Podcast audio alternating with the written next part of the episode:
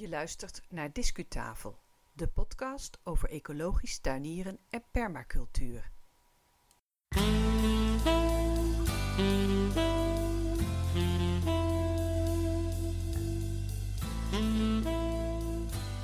Welkom bij de Discutafel podcast. Mijn naam is Yvonne Smit. Vandaag is het 12 april 2018. In deze aflevering kan je luisteren naar een praktijktip over spruitbroccoli. In de rubriek Discu Nieuws deze keer onze recensie van het dossier De Voedselzaak van de Volkskrant. En in de rubriek Discu Journaal iets over een ontdekking in mijn tuin. Afgelopen weekend van 7 en 8 april was ik echter niet in mijn moestuin, maar met vrienden in het bos. En je hoort de vogeltjes nog op de achtergrond. Het was natuurlijk heerlijk om daar te wandelen en dan nog in fijn gezelschap ook. Je weet het misschien nog, het was geweldig lenteweer. Tegelijkertijd voelde ik de drang om in de moestuin te werken. Er gebeurt zoveel deze dagen. Je ziet de planten als het ware groeien. Dat herken je misschien wel. Dus na thuiskomst heb ik nog snel wat tomatenplantjes verspeend. Maar kom, we gaan beginnen. Met als eerste de tip over spruitbroccoli.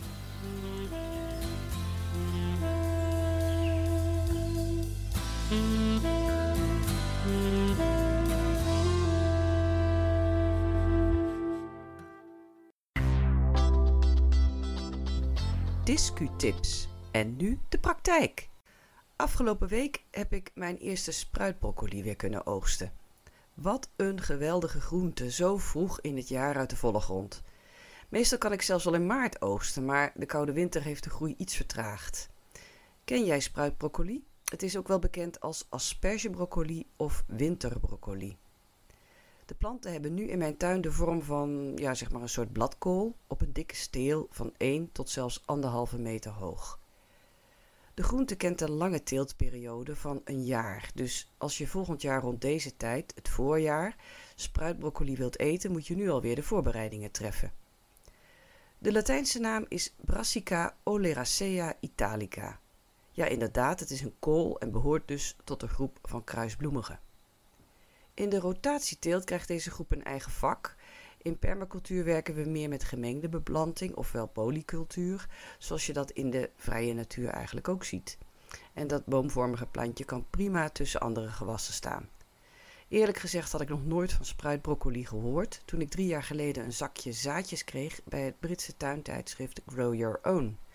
En sindsdien is het een favoriet Net als bij de gangbare broccoli oogst je de ongeopende bloemetjes, maar dan inclusief het steeltje. Een paar minuten smoren in boter of olie en klaar is Kees. Ik vind de smaak echt veel beter dan die van gangbare broccoli. Vanaf nu kan je alweer zaaien, bijvoorbeeld in de koude bak.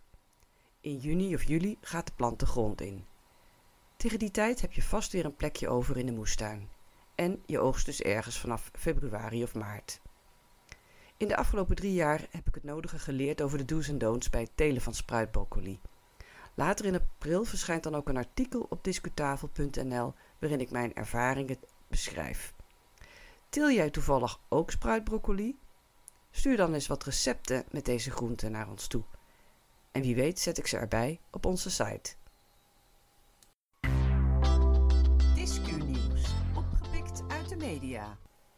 De voorspelde groei van de wereldbevolking en de gevolgen van de klimaatverandering vormen voor de Volkskrant reden om een grootschalig onderzoeksdossier op te stellen. En dat noemen ze de voedselzaak. Je kunt het vinden in het dagblad zelf en ook op de website van de Volkskrant. De focus ligt op Afrika, omdat de gevolgen van klimaatverandering en van de bevolkingsgroei daar het sterkst zijn. De krant gaat op onderzoek naar het antwoord op de vraag hoe we 10 miljard monden in 2015 kunnen gaan voeden. Wij bij Discutafel zijn ervan onder de indruk dat de Volkskrant zo uitgebreid en langdurig met de grote thema's van deze tijd aan de slag gaat. Toch zegt Marlies dat een eerste blik op de site haar bijna omverblies. En ik had eigenlijk hetzelfde. Een paar koppen trekken de aandacht. Zoals hoe duizenden boeren in Sierra Leone alles kwijtraakten met dank aan Nederland. Of ontdek de angstaanjagende feiten achter de bevolkingsgroei. Onze eerste gedachte was: nou, het gaat toch hopelijk niet alleen maar over slecht nieuws en dingen waar je bang van moet worden. En dan nog in bewoordingen die misschien beter bij een andere krant thuis horen. Want dat lijkt ons allemaal niet een benadering waarmee je mensen aan het denken zet, laat staan tot actie brengt. Enfin, we moesten even door die eerste wat schreeuwige indruk heen, want er blijkt toch wel veel meer te zijn. Aandacht voor kweekvlees bijvoorbeeld en voor de aanpak van McDonald's die voedselverspilling terug moet dringen. Landbouw- en voedseldeskundige Louise Fresco komt ook aan het woord en zij voorspelt dat er door technologische vooruitgang in 2050 genoeg voedsel zal zijn voor 10 miljard mensen. Dat was overigens een vraaggesprek dat aanleiding was voor velen om de ingezonde brievenrubriek van de krant te vullen, maar dat terzijde. De site heeft ook interactieve onderdelen. Je kunt bijvoorbeeld de supermarkttest doen aanklikken welke spullen je vaak koopt en de uitslag laat je dan zien welke producten je met het oog op duurzaamheid wel of niet zou kunnen kopen. Alleen jammer dat daar dan geen toelichting bij gegeven wordt. Er is ook nog een ideeënhoek in de voedselzaak. Daar kunnen lezers hun suggesties en meningen kwijt. Kortom, de Volkskrant doet moeite om lezers op een actieve manier bij het project te betrekken en het thema voedselvoorziening is er belangrijk genoeg voor en het gaat ons allemaal aan.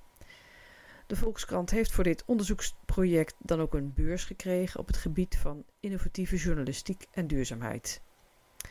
Misschien wil je zelf eens kijken op de voedselzaak. De link vind je in het berichtje op onze site dat deze aflevering van onze podcast begeleidt. En uiteraard vinden we het heel leuk als je jouw indrukken en ideeën met ons deelt.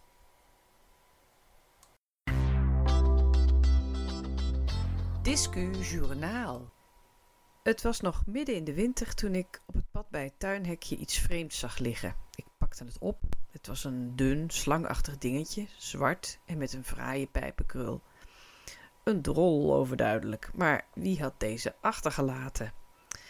Ik ging eens grasduinen in mijn sporenboek en ik begon te twijfelen. Was het een egel, een kleine marterachtige? Ik uh, gooide de vraag al snel op Twitter, maar het was uiteindelijk een kennis van het IVN die de diagnose stelde. Wauw, een wezel in mijn stadstuin. Op een nacht in januari had hij daar rondgescharreld, op luttele meters van mijn bed. Op discutafel kan je een filmpje met een wezel bekijken en we hebben er ook een foto op gezet van de desbetreffende drol. We hebben ook de belangrijkste eigenschappen van deze rover op een rijtje gezet. Gelukkig laten onze katers kennelijk voldoende prooi over voor dit felle diertje. Maar ja, stel dat ik toch die kippen wil, wat dan? Heb je ook een mooie ervaring over een zoogdier in jouw tuin? Stuur ons eens een berichtje en wie weet komt je verhaal in de Discutafel podcast. Dat mag natuurlijk ook een foto zijn. Ga naar de website voor onze contactgegevens. Discuslot. Nog even over die wat schreeuwerige koppen uit de voedselzaak, het onderwerp van eerder in deze aflevering. Ik ben er nog eens ingedoken en kwam uit op een artikel over online marketing en klikgedrag van bezoekers. Het schijnt dat een dergelijke taalstijl in koppen het klikgedrag bevordert. Dat noemen ze clickbait, dat is letterlijk klikaas. En dat is bij internetjournalistiek kennelijk het gebruik van sensationele koppen in een poging om de lezer tot een klik te verleiden en zo meer inkomsten te genereren uit internetreclame. En niet zelden word je dan als lezer teleurgesteld door de inhoud van het bijbehorende artikel. En nou worden wij bij Discutafel niet echt teleurgesteld door de inhoud van de voedselzaak, maar wel door deze in onze ogen wat goedkope techniek van koppenmakers. We voelen ons niet helemaal serieus genomen en we vragen ons af hoe lang clickbaits nog werken wanneer alle online artikelen dergelijke sensationele titels hebben. Enfin, dit ging even niet over ecologisch tuinieren, maar ik moest het toch even kwijt. We gaan de pannen erop gooien en de tuin in. De volgende Discutafel podcast verschijnt op donderdag 26 april 2018. Tot zover deze aflevering van de Discutafel podcast over ecologisch tuinieren en permacultuur. Links en meer informatie over de onderwerpen uit deze aflevering vind je op discutafel.nl. Iedere twee weken kan je een nieuwe uitzending van de Discutafel podcast beluisteren via onze website. Meld je via de site aan om een bericht te krijgen bij publicatie van een nieuwe aflevering. Discutafel is een initiatief van Yvonne Smit met medewerking van Marlies Notermans. We vinden het erg leuk als je reageert, via de website, per e-mail of Twitter. Deel je je ervaringen met onze podcast ook met anderen? Dankjewel voor het luisteren en graag tot de volgende keer.